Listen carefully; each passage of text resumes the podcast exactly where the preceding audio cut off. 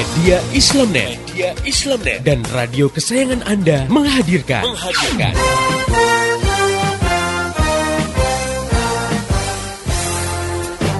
Voice of Islam. Voice of Islam. Voice of Islam. Saya pernah nonton satu acara televisi, di situ ada party, pesta-pesta di sebuah diskotik, lalu dibikin kuis. Cuman kuis itu syaratnya hanya boleh diikuti oleh pengunjung yang bawa alat kontrasepsi, alias kondom. Ternyata banyak yang bawa. Paling datang itu anak muda semua gitu kan. Kita ditanya, "Kenapa kamu bawa?" Loh, kita kan nggak tahu apa yang terjadi setelah ini. Wow, jadi kan sudah sudah sedia payung sebelum hujan gitu ya. Sedia kondom sebelum berzina. Astagfirullahaladzim ya. Kenapa kok seperti terjadi? Karena satu, karena kita sudah hidup di alam sekuler. Hidup dengan landasan memisahkan agama dari kehidupan. Jadi agama udah nggak dipandang. Asma binti Yazid al Ashhaliyah yang sedang uh, dia ingin menanyakan satu masalah di hadapan Nabi dan para sahabat. Dan saat itu di ada forum Nabi dengan para sahabat. Nah, saat itu Asma menanyakan tentang kedudukan peran perempuan dalam rumah tangga dibandingkan dengan peran kaum laki-laki ya. E, bagaimana posisinya? Apakah perempuan itu bisa meraih pahala yang seperti laki-laki lakukan gitu ya? Hmm. Nah, saat itu Rasulullah memuji pertanyaan yang diungkapkan Asma itu di hadapan para sahabat. Nah, ini kan e, menggambarkan ya bahwa saat itu Asma berbicara, kan ada suaranya iya. di hadapan para sahabat dan Rasulullah memuji dan membiarkan dan ini menunjukkan bahwa suara itu bukan aurat gitu. Dalam Islam eh, kehidupan laki-laki dan perempuan itu diatur baik dalam kehidupan umum misalnya uh, dalam pergaulan di sekolah, di terminal, di jalanan umum, di perkantoran ya gitu. Dan uh, juga di dalam kehidupan khusus di dalam rumah. Jadi memang Islam sudah memberikan batasan-batasan uh, di mana laki-laki dan perempuan itu di dalam bergaul, berkomunikasi itu memiliki aturan-aturan tertentu. Jadi bukan berarti dengan diatur dipisahkan gitu ya kehidupan laki dan perempuan benar-benar laki perempuan tuh nggak boleh ngomong nggak boleh ketemu gitu. iya. Ada yang mungkin menganggap Ih, kejem banget Islam tuh ya jadi kayak di karantina gitu laki dengan perempuan tidak demikian. Namun uh, ini catatan pentingnya bukan berarti diperbolehkan jadi segalanya jadi boleh gitu ya. Dalam persoalan yang bersifat pribadi. Nah, ini tidak boleh laki-laki dan perempuan yang bukan mahramnya itu menjalin hubungan khusus gitu ya tanpa disertai mahram.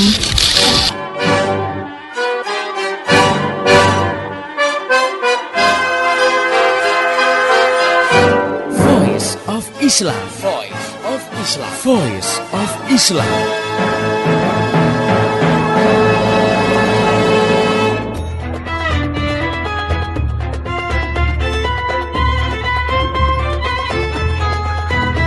Halo Indonesia, Assalamualaikum warahmatullahi wabarakatuh. Jumpa dengan saya, Laili Triana dalam program Voice of Islam Kerja bareng media Islamnet dengan radio kesayangan Anda ini Dan selama 30 menit ke depan, Voice of Islam akan mengisi ruang dengar Anda dalam rubrik Female Chatting Pendengar yang budiman, saya tidak sendiri. Telah hadir untuk mengasuh rubrik ini Ustazah Nani Wijayanti. Beliau adalah wakil pemimpin redaksi majalah Female Readers dan beliau biasa disapa dengan sapaan Mbak Nani. Ya, baik kita sapa dulu beliau. Assalamualaikum Mbak. Waalaikumsalam warahmatullahi wabarakatuh. Uh, bagaimana kabarnya hari ini? Alhamdulillah baik. Alhamdulillah. Sehat. Ya, uh, pendengar yang budiman, setiap manusia pasti pernah punya masalah dan saat seseorang sedang dirundung masalah atau musibah sementara dia tak lagi merasa mampu memecahkan masalahnya, biasanya salah satu jalan yang dilakukan adalah curhat. Nah, kalau curhat kepada orang yang tepat, mungkin kita akan terbantu untuk mendapatkan solusi yang tepat pula. Tentu itu yang kita harapkan. Sebaliknya, bila kita curhat kepada orang yang justru bermasalah, wah, bisa tambah runyam masalah yang kita hadapi. Uniknya, terkadang seseorang merasa nyaman curhat kepada lawan jenis. Nah, ini nih yang rada gawat. Bagaimana Islam memandang curhat kepada lawan jenis? Nah, untuk itu, female chatting kali ini akan membahas curhat kepada lawan jenis. Baik pendengar yang budiman, langsung saja kita bahas topik ini. Mbak Nani, sebelum kita lebih jauh membahas soal curhat kepada lawan jenis, mungkin kita perlu tahu dulu nih Mbak, kenapa atau apa sih alasan seseorang melakukan curhat? Uh, iya Mbak Laili dan pendengar yang budiman. Uh, kalau kita pahami manusia itu sebenarnya memang terlahir sebagai makhluk sosial ya. Dia butuh orang lain Apalagi ketika dia menghadapi masalah yang tidak mampu dia pecahkan sendiri. Gak ada orang yang di dunia ini hid bisa hidup sendiri. Untuk mencari solusi, biasanya orang akan mencari orang yang memang dianggap mampu bisa membantunya. Nah, apalagi dalam persoalan yang sangat sensitif atau pribadi, biasanya orang akan mencari orang yang tepat yang dia uh, dia bisa percaya untuk uh, dia bisa curhat gitu mengungkapkan unek-uneknya. Nah curhat ini tentu hanya bisa kepada orang-orang tertentu saja yang memang menurut dia dapat membantu persoalan itu. Jadi menurut saya motivasi orang curhat uh, curhat itu sesuai dengan fitrah dia sebagai makhluk sosial gitu ya. Oh iya ya berarti kalau orangnya hanya orang tertentu saja curhat itu pasti akan dilakukan kepada orang yang spesial dong ya. Ya realitasnya seperti itu ya. Kalau yeah. uh, tidak begitu berarti bukan curhat namanya gitu, yeah. ngobrol atau bincang-bincang. Nah, uh, nggak mungkin kan suatu masalah, apalagi masalah itu sangat sensitif, menyangkut aib, misalnya masalah pribadi itu dibuka kepada sembarang orang. Ya, jadi betul sekali. Pada umumnya curhat itu hanya kepada orang-orang tertentu saja yang punya hubungan dekat. Apakah itu jalur kekeluargaan misalnya ya dengan ibu, dengan kakak, dengan dengan adik, dengan saudara, bapak dan lain sebagainya atau yang memiliki hubungan persahabatan misalnya dia udah teman dekat banget gitu dari kecil gitu ya, CS-an banget atau uh, memang orang yang punya uh, hubungan dekat dalam bentuk yang lainnya gitu ya, seperti misalnya ya teman kerja sekantor yang seprofesi tiap hari dari pagi sampai sore gitu ya, iya. cocok. Kemudian uh, mungkin yang istilahnya sekarang itu agak uh, apa namanya memprihatinkan TT TM misalnya oh, iya. ya teman tapi mesra dia punya orang yang memang kayaknya enak dianggap bicara. Nah hubungan yang semacam ini bisa membuat orang kemudian curhat gitu melakukan nah, curhat. iya. Uh, ini nih yang unik nih mbak. Seringkali orang yang memang ditempati untuk curhat itu adalah uh, lawan jenis gitu. Nah gimana kira-kira tuh mbak? Apakah hmm. mereka kenapa sih gitu ya mereka tuh jadi merasa lebih nyaman kalau kepada lawan jenis curhatnya? Iya, uh, menurut saya bisa jadi kita menganggapnya itu hal yang unik ya. Tapi bagi mereka mungkin dalam realitanya itu banyak menganggap itu justru hal yang biasa oh, gitu ya, iya. ya hal yang biasa gitu. Nah ini artinya ini ada perbedaan persepsi di antara kita ya. yeah. nah ada orang yang memang dia merasa nyaman banget kalau curhat itu dengan uh, lawan jenis gitu. Saya pernah uh, tanyakan itu kepada beberapa orang ya yang cenderung punya kecenderungan seperti itu. Kenapa sih kok uh, kamu cenderung uh, enak ngobrol dari hati ke hati gitu ya persoalan-persoalan yang dihadapi itu dengan laki-laki misalnya ada beberapa alasan yang dia sebutkan salah satunya misalnya ya kalau curhat sama cewek tuh ini sih cewek tuh ember misalnya gitu ya maksudnya tidak bisa menjaga rahasia jadi iya. sedikit yeah. sekali kalau laki-laki itu yang ember gitu jadi kan dia merasa jaminan dijaga rahasianya oleh mereka itu lebih kepada teman laki-laki daripada teman perempuan nih gitu. Apalagi kalau misalnya teman perempuannya itu pernah punya sejarah hubungan yang gak enak. Wah ini jadi bisa nular ke mana-mana nanti persoalannya kan iya. gitu. Nah kalau laki-laki cenderung menjaga itu satu hal. Nah terus yang kedua misalnya alasannya adalah ya kalau laki-laki itu biasanya kalau kita curhat dia itu mau jadi pendengar yang baik gitu ya perhatian ya kan e, berbeda dengan perempuan misalnya justru dicerewetin kan ah cuman masalah gitu aja kamu kecil jadi besar besarkan jadi bukannya yeah. dia yeah. merasa uh, bahwa dia diperhatikan dia disayang gitu ya tapi malah justru disalahkan atau difonis dipojokkan nah ini mungkin beberapa hal yang dalam realitanya barangkali memang terjadi seperti itu hmm, gitu ya yeah. bukan berarti uh, kita akan lihat lagi uh, sekalipun mungkin realitanya begitu apakah memang betul dalam yeah. pandangan agama nah, harus kita kaji lagi. Ya, nah itu dia mbak. Yeah. Kalau realitanya seperti itu, lalu bagaimana sebenarnya kalau uh, Islam memandang soal curhat ini kepada lawan jenis? Mm. Nah soalnya ini kayaknya penting nih mbak, biar mm. kita para muslimah nih tidak terjebak dalam ya itu curhat yang salah itu ya yeah, kepada lawan betul. jenis. Ya, uh, curhat ini kan berarti salah satu bentuk hubungan komunikasi di antara dua insan yang bersifat khusus ya. Nah, gitu, hmm. bersifat khusus. Jadi, kalau itu terjadi di antara dua insan yang berlawanan jenci, jenis, tentu ada aturan mainnya, gitu. Tentu ada aturan mainnya. Dalam Islam, uh, kehidupan laki-laki dan perempuan itu diatur baik dalam kehidupan kehidupan umum, misalnya uh, dalam uh, pergaulan di sekolah, di terminal, di jalanan umum, di perkantoran, ya hmm, gitu, iya. Dan uh, juga di dalam kehidupan khusus di dalam rumah. Jadi memang Islam sudah memberikan batasan-batasan uh, di mana laki-laki dan perempuan itu di dalam bergaul, berkomunikasi itu memiliki aturan-aturan tertentu. Dalam persoalan yang bersifat umum, seperti misalnya uh, urusan keilmuan, pendidikan, gitu ya, dalam pelayanan umum, kemudian hubungan kerja dan lain sebagainya, maka laki-laki dan perempuan itu diperkenankan oleh Islam itu bekerja sama dan menjalin komunikasi. Hmm. Jadi bukan berarti dengan diatur dipisahkan gitu ya kehidupan laki dan perempuan benar-benar laki perempuan tuh nggak boleh ngomong nggak boleh ketemu gitu. iya. Ada yang mungkin menganggap Ih, kejem banget Islam tuh ya jadi kayak di karantina gitu laki dengan perempuan. Tidak demikian. Jadi selama keperluannya itu adalah keperluan yang bersifat umum ya kaitannya dengan muamalah maka diperkenankan. Namun uh, ini catatan pentingnya bukan berarti diperbolehkan jadi segalanya jadi boleh gitu ya. Dalam persoalan yang bersifat pribadi, nah ini tidak boleh laki-laki dan perempuan yang bukan mahramnya itu menjalin hubungan khusus gitu ya tanpa disertai mahram.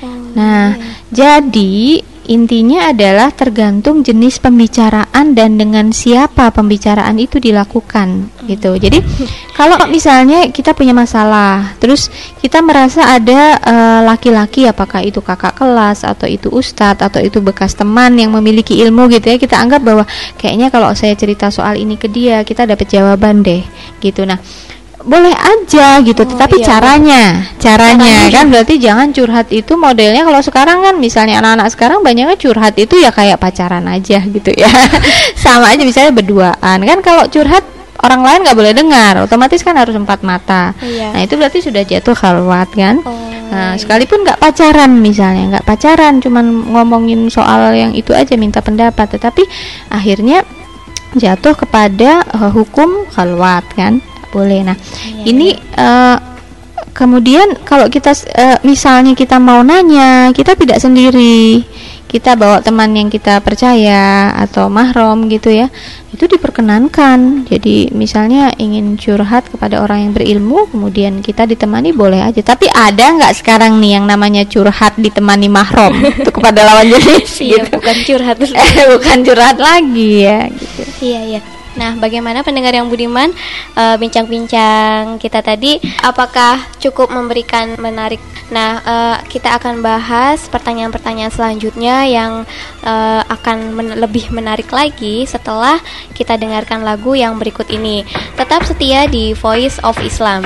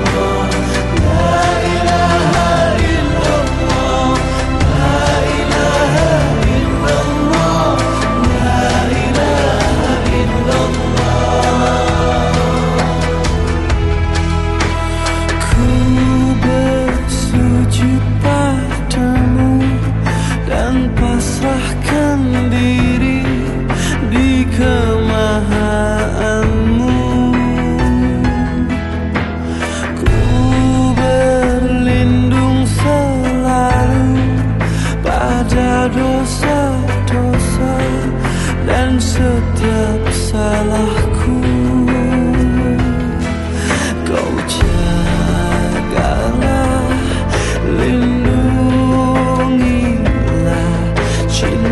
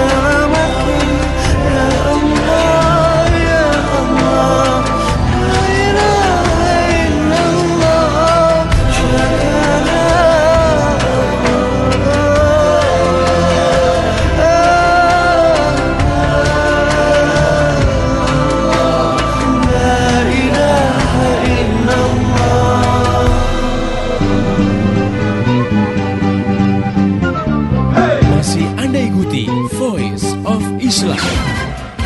Persembahan media Islamnet dan radio kesayangan Anda ini. Voice of Islam. Voice of Islam. Voice of Islam.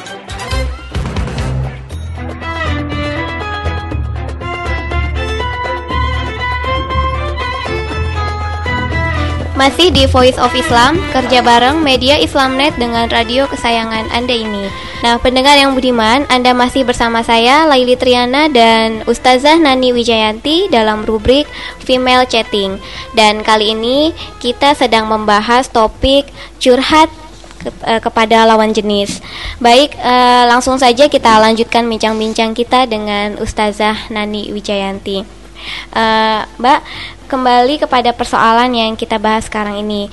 Tadi Mbak bilang bahwa curhat itu kan umumnya nggak bisa ke sembarang orang, apalagi kalau sangat pribadi sekali. Iya. Kita butuh orang yang bisa kita percaya dan memiliki empati dan perhatian terhadap persoalan yang kita hadapi. Iya, benar. Nah, kalau biasanya kita sudah punya orang tempat kita curhat nih. Dan itu adalah lawan jenis. Kan Iya. nggak gampang nyari penggantinya. Tetap ngotot nih ceritanya. Terus apa yang harus kita lakukan kalau seperti itu? Iya, iya, benar.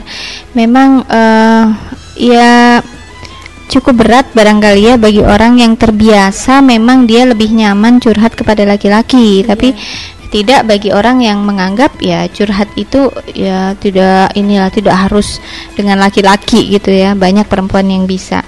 Nah, eh, menurut saya pertama harus kita sadari bahwa jangan kita hidup itu seperti kata dalam tempurung lah gitu. Jadi masa ribuan atau jutaan orang yang kita kenal tuh kita nafikan begitu saja, tidak bisa menggantikan orang yang biasa kita curhat gitu ya. Jadi Iya. Allah juga menciptakan manusia berlainan jenis, berbeda bangsa untuk saling kenal mengenal gitu ya. Itu kan memungkinkan bagi kita sebenarnya untuk sharing, untuk berbagi eh, pendapat, pemikiran, mencari jalan keluar dan lain-lain.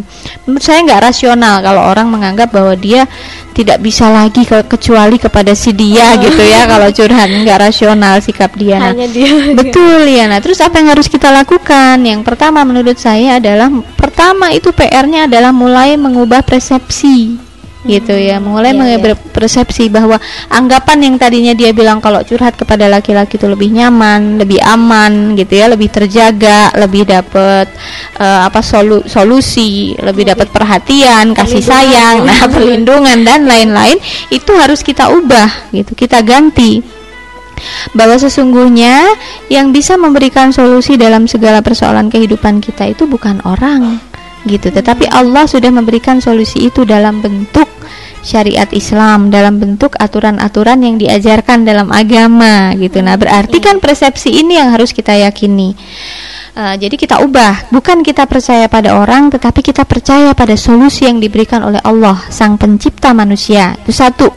Yang kedua, apa namanya orang nih harus berani mengubah sikapnya, sikapnya untuk dia sesuai dengan persepsi yang baru bahwa uh, segala sesuatu itu bukan tergantung kepada orang yang uh, dia biasa curhati, gitu. Itu sesuatu segala sesuatu itu datang dari Allah dan Allah sudah berikan solusinya, gitu.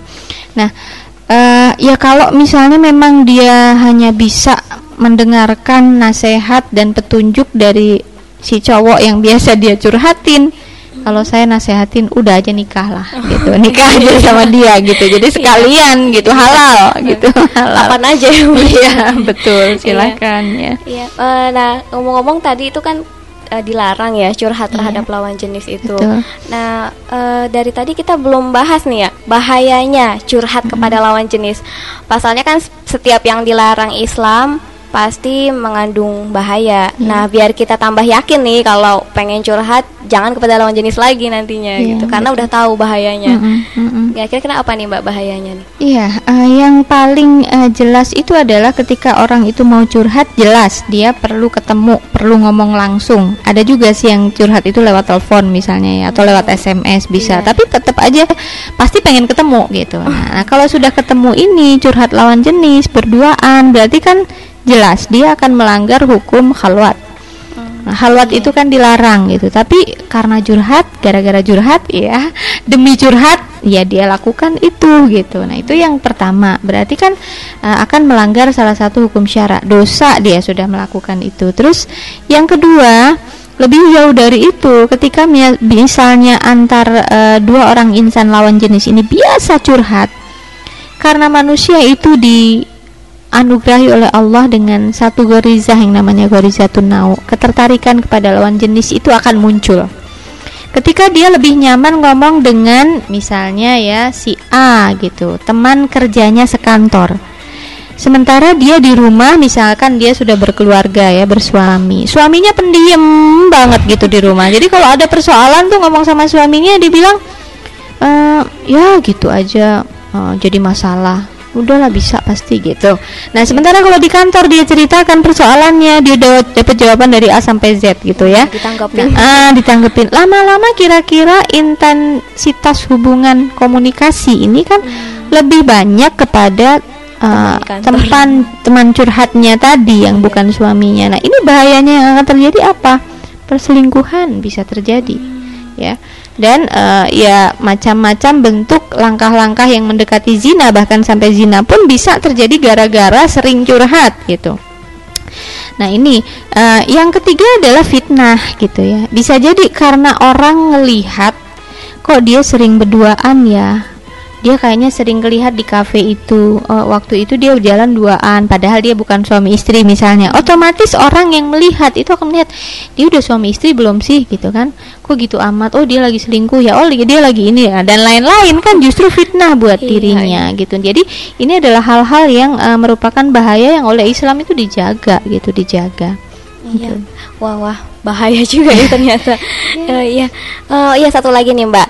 Sekarang cara cara curhat kan macam-macam ya tadi Iya. eh, Mm-mm. tidak harus selalu ketemu berduaan gitu gitu ya. Eh, seperti tadi yang Mbak bilang bisa juga lewat SMS, Mm-mm, telepon, mm-mm, betul. bahkan ada lagi nih chatting Mm-mm, gitu ya. iya, chatting. iya. Mm-mm. Nah, gimana sih Mbak apa boleh ya yang seperti itu selain berduaan tadi tuh kita Mm-mm, lakukan kan itu nggak nggak holwat namanya. Iya betul betul betul memang mungkin bisa jadi dia tidak perlu khalwat untuk curhat gitu ya Iya. dengan teknologi itu. Tetapi kita lihat coba esensi esensi dari pembicaraan itu, ya esensi dari pembicaraan itu apa gitu. Sebenarnya kan curhat itu tujuannya adalah untuk mengemukakan masalahnya dan ingin mencari tahu solusinya kan gitu. Nah sebenarnya prinsipnya itu. Nah, eh, kalau kita sudah eh, tahu, paham bahwa masalah ini seperti apa dan Islam memberikan solusi seperti apa, kita sebenarnya perlu banget nggak sih curhat sampai harus dengan orang yang tertentu dan spesial gitu? Kayaknya menurut saya tidak gitu ya. Itu tadi karena manusia itu atau seseorang itu merasa bergantung gitu ya, enak dengan itu, bergantung kepada orang tertentu yang biasa dicurhat, akhirnya membuat dia itu hanya bisa menerima jawaban dan solusi yang diberikan oleh si itu gitu. Nah, padahal sebenarnya tidak seperti itu. Yang harus dilakukan oleh seorang muslim adalah ketika dia menghadapi persoalan, dia harus kembalikan persoalan itu kepada apa yang diberikan tuntunan oleh Allah dan Rasulnya kan gitu. Nah, sekalipun dia nggak berkhalwat, tetap aja esensi pembicaraan itu karena memang menyangkut masalah pribadi itu tadi saya bilang itu adalah faktor eksternal yang akan bisa membangkitkan gorizatun nau, membangkitkan rasa tertarik ya. Ada magnetnya kan laki dengan perempuan itu. Nah, kalau dia sering ketemu, magnet itu akan nyambung. Kalau dia sering ngomong, dia akan nyambung. Apalagi sering curhat gitu. Jadi Semakin bahaya banget betul. Jadi kalau kita lihat dulu waktu musim misalnya radio amatir tuh kan ya. Banyak orang yang karena dia sering eh, dengan walkie talkie-nya itu kan sering eh, ngobrol di udara, akhirnya ketika ya ngobrolnya sudah ke arah yang menjurus pribadi gitu kan. Ya boleh dikatakan sama seperti orang pacaran eh, ketika off air jadian gitu kan. Itu banyak terjadi. Sama juga dengan chatting. Nah, di barat itu kalau kita lihat di media massa diberitakan bagaimana uh, perempuan-perempuan remaja-remaja yang masih usia SMP misalnya yang masih belia karena dia sering chatting dia nggak pernah tahu orang uh, identitas uh, sejati orang yang diajak chatting kan nggak tahu udah umur berapa 70 iya. tahun apa masih remaja seperti dia iya. tetapi karena gara-gara esensi pembicaraannya menjurus ke sana justru terjadi kemudian perkosaan terjadi penipuan seperti itu. Kan dia bikin janji oke okay, kayaknya udah chattingnya nih udah curhatnya sampai ke hal yang mendalam gitu kan. Dia janjian ketemu ketemu di mana? Eh taunya ternyata misalnya gitu ya. Nah itu kan hal-hal yang uh, tidak bisa dilakukan. Jadi kalau tadi yang dikatakan bahayanya itu ada uh, selingkuh, ada fitnah itu bisa terjadi kalau hmm. dilakukan curhat itu sekalipun yeah. tidak harus bertemu gitu ya. Yeah. Jadi tadinya sih ngobrol-ngobrol lewat udara, ngobrol-ngobrol lewat telepon, ngobrol-ngobrol melalui internet. Nah, ada keinginan besar untuk ketemu akhirnya. ketemu. akhirnya begitu. Iya. Iya. Iya, iya. Iya, uh, nah sebelum kita akhiri perbincangan kita nih Mbak, ada pesan singkat nggak untuk para pendengar, tips gitu ya, atau resep curhat yang manjur? oh iya iya, benar. Jadi uh, kalau saya sih yang pertama, uh, setiap manusia itu sudah dibekali oleh Allah tuntunan. Jadi pelajarilah tuntunan itu Ya, artinya pertama ya kita harus pelajari agama supaya kita tahu seluruh solusi yang harus kita ambil untuk memecahkan seluruh problem kehidupan kita. Nah, apakah kehidup, uh, problem pribadi, keluarga, masyarakat dan lain-lain gitu ya. Nah, kalau curhat ini cenderung kan pribadi ya. Iya. Ya. Kita pasti kalau uh, memahami agama kita akan tahu jawabannya itu apa, apa yang harus kita lakukan itu tahu. Yang kedua adalah selaraskan perasaan dengan pemahaman agama. Karena masalahnya curhat ini bermain perasaan terus terang ya kan. iya. Rasanya enak ngomong sama si itu nyaman ah, nyaman pakai perasaan nih perhitungan jadi kalau sudah uh, tahu agama belum tentu yang paham agama dia juga mampu menyelaraskan perasaannya. Jadi perasaan ini harus ditundukkan dengan pemahaman agama. Jadi kalau tadi ada muncul perasaan, ah kok saya lebih enak curhat sama si cowok itu ya. Nah, ini harus dibuang perasaan itu harus dibuang dan digantikan ini dilarang oleh Allah. Dan saya tidak boleh merasa nyaman justru gitu. Jadi saya harus merasa gelisah bahwa saya sudah melakukan hal yang salah. Saya harus alihkan perasaan ini gitu. Jadi itu yang kedua. Yang ketiga ya kita harus membangun persahabatan itu berdasarkan akidah gitu ya. Jadi kalau kalau kita banyak punya teman banyak punya uh, sahabat yang sama-sama uh, apa memegang teguh akidah saya kira uh, kita sudah sangat terbantu gitu ya. Ketika kita menghadapi musibah kemudian menghadapi kesedihan kita punya banyak teman yang bisa menghibur kita iya. sesuai dengan keimanan. Dan jangan lupa yang terpenting kita harus ingat inna ma'al usri yusro setiap kesulitan pasti akan kemudian datang kemudahan. Yang kedua uh, sudah diberikan doa sebenarnya kita nih kalau mau gitu ya lagi menghadapi kesulitan gitu iya. nggak iya. perlu kita nunggu ketemu dengan si dia tapi uh, cukuplah uh, baca hasbunallah wa ni'mal wakil ni'mal maula wa ni'man nasir. Kita sudah punya kekasih sejati yang dia maha mendengar maha melihat maha sayang sama kita. Jadi kalau yeah. kita udah dapat persoalan curhat aja sama Allah. Nggak akan dicuekin ya akan dicuekin insya Allah dikasih solusi yang tepat. Iya Iya, uh, mungkin uh, oke okay deh pendengar yang budiman sedang ya sudah sekitar 30 menit kita telah berbincang ya seputar curhat kepada lawan jenis gitu ya. Mungkin sebenarnya masih banyak ya pertanyaan-pertanyaan yang menggelitik dalam masalah ini. Namun apa daya kita sudah berada di penghujung acara. Uh, ada beberapa hal yang bisa ditarik kesimpulan dari perbincangan kita tadi.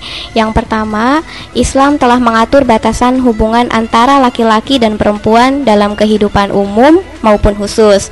Pengaturan ini semata-mata untuk menjaga keharmonisan hubungan antara keduanya dan menjaga dari fitnah.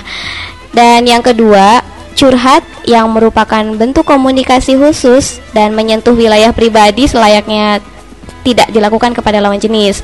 Sebaiknya carilah sesama muslim atau sesama muslimah yang amanah, berilmu dan memiliki empati. Dan jangan lupa curhatlah kepada Allah Subhanahu wa taala, zat yang Maha mendengar, Maha melihat dan Maha penyayang.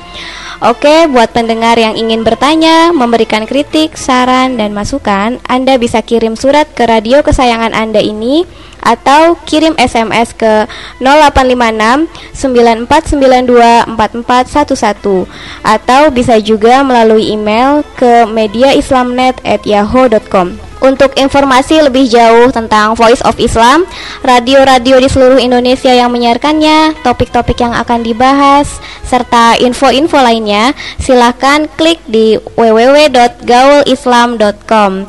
Saya Laili Triana dan seluruh kerabat, kerabat kerja yang bertugas mengucapkan terima kasih kepada Ustazah Nani Wijayanti atas ya. penjelasannya.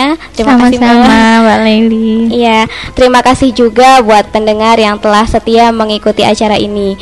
Pesan saya, sampaikan apa yang Anda peroleh dari acara ini kepada yang lain agar rahmat Islam bisa segera tersebar luas termasuk di kota Anda yang tercinta ini. Mari menimbang masalah dengan syariah. Assalamualaikum warahmatullahi wabarakatuh.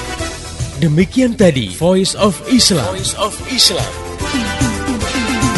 Semoga hikmah yang terkandung bermanfaat untuk kita semua. Amin amin amin ya robbal alamin. Kembali bisa Anda dengarkan Voice of Islam. Voice of Islam menghadirkan topik-topik seputar kehidupan kita esok hari di waktu dan gelombang yang sama.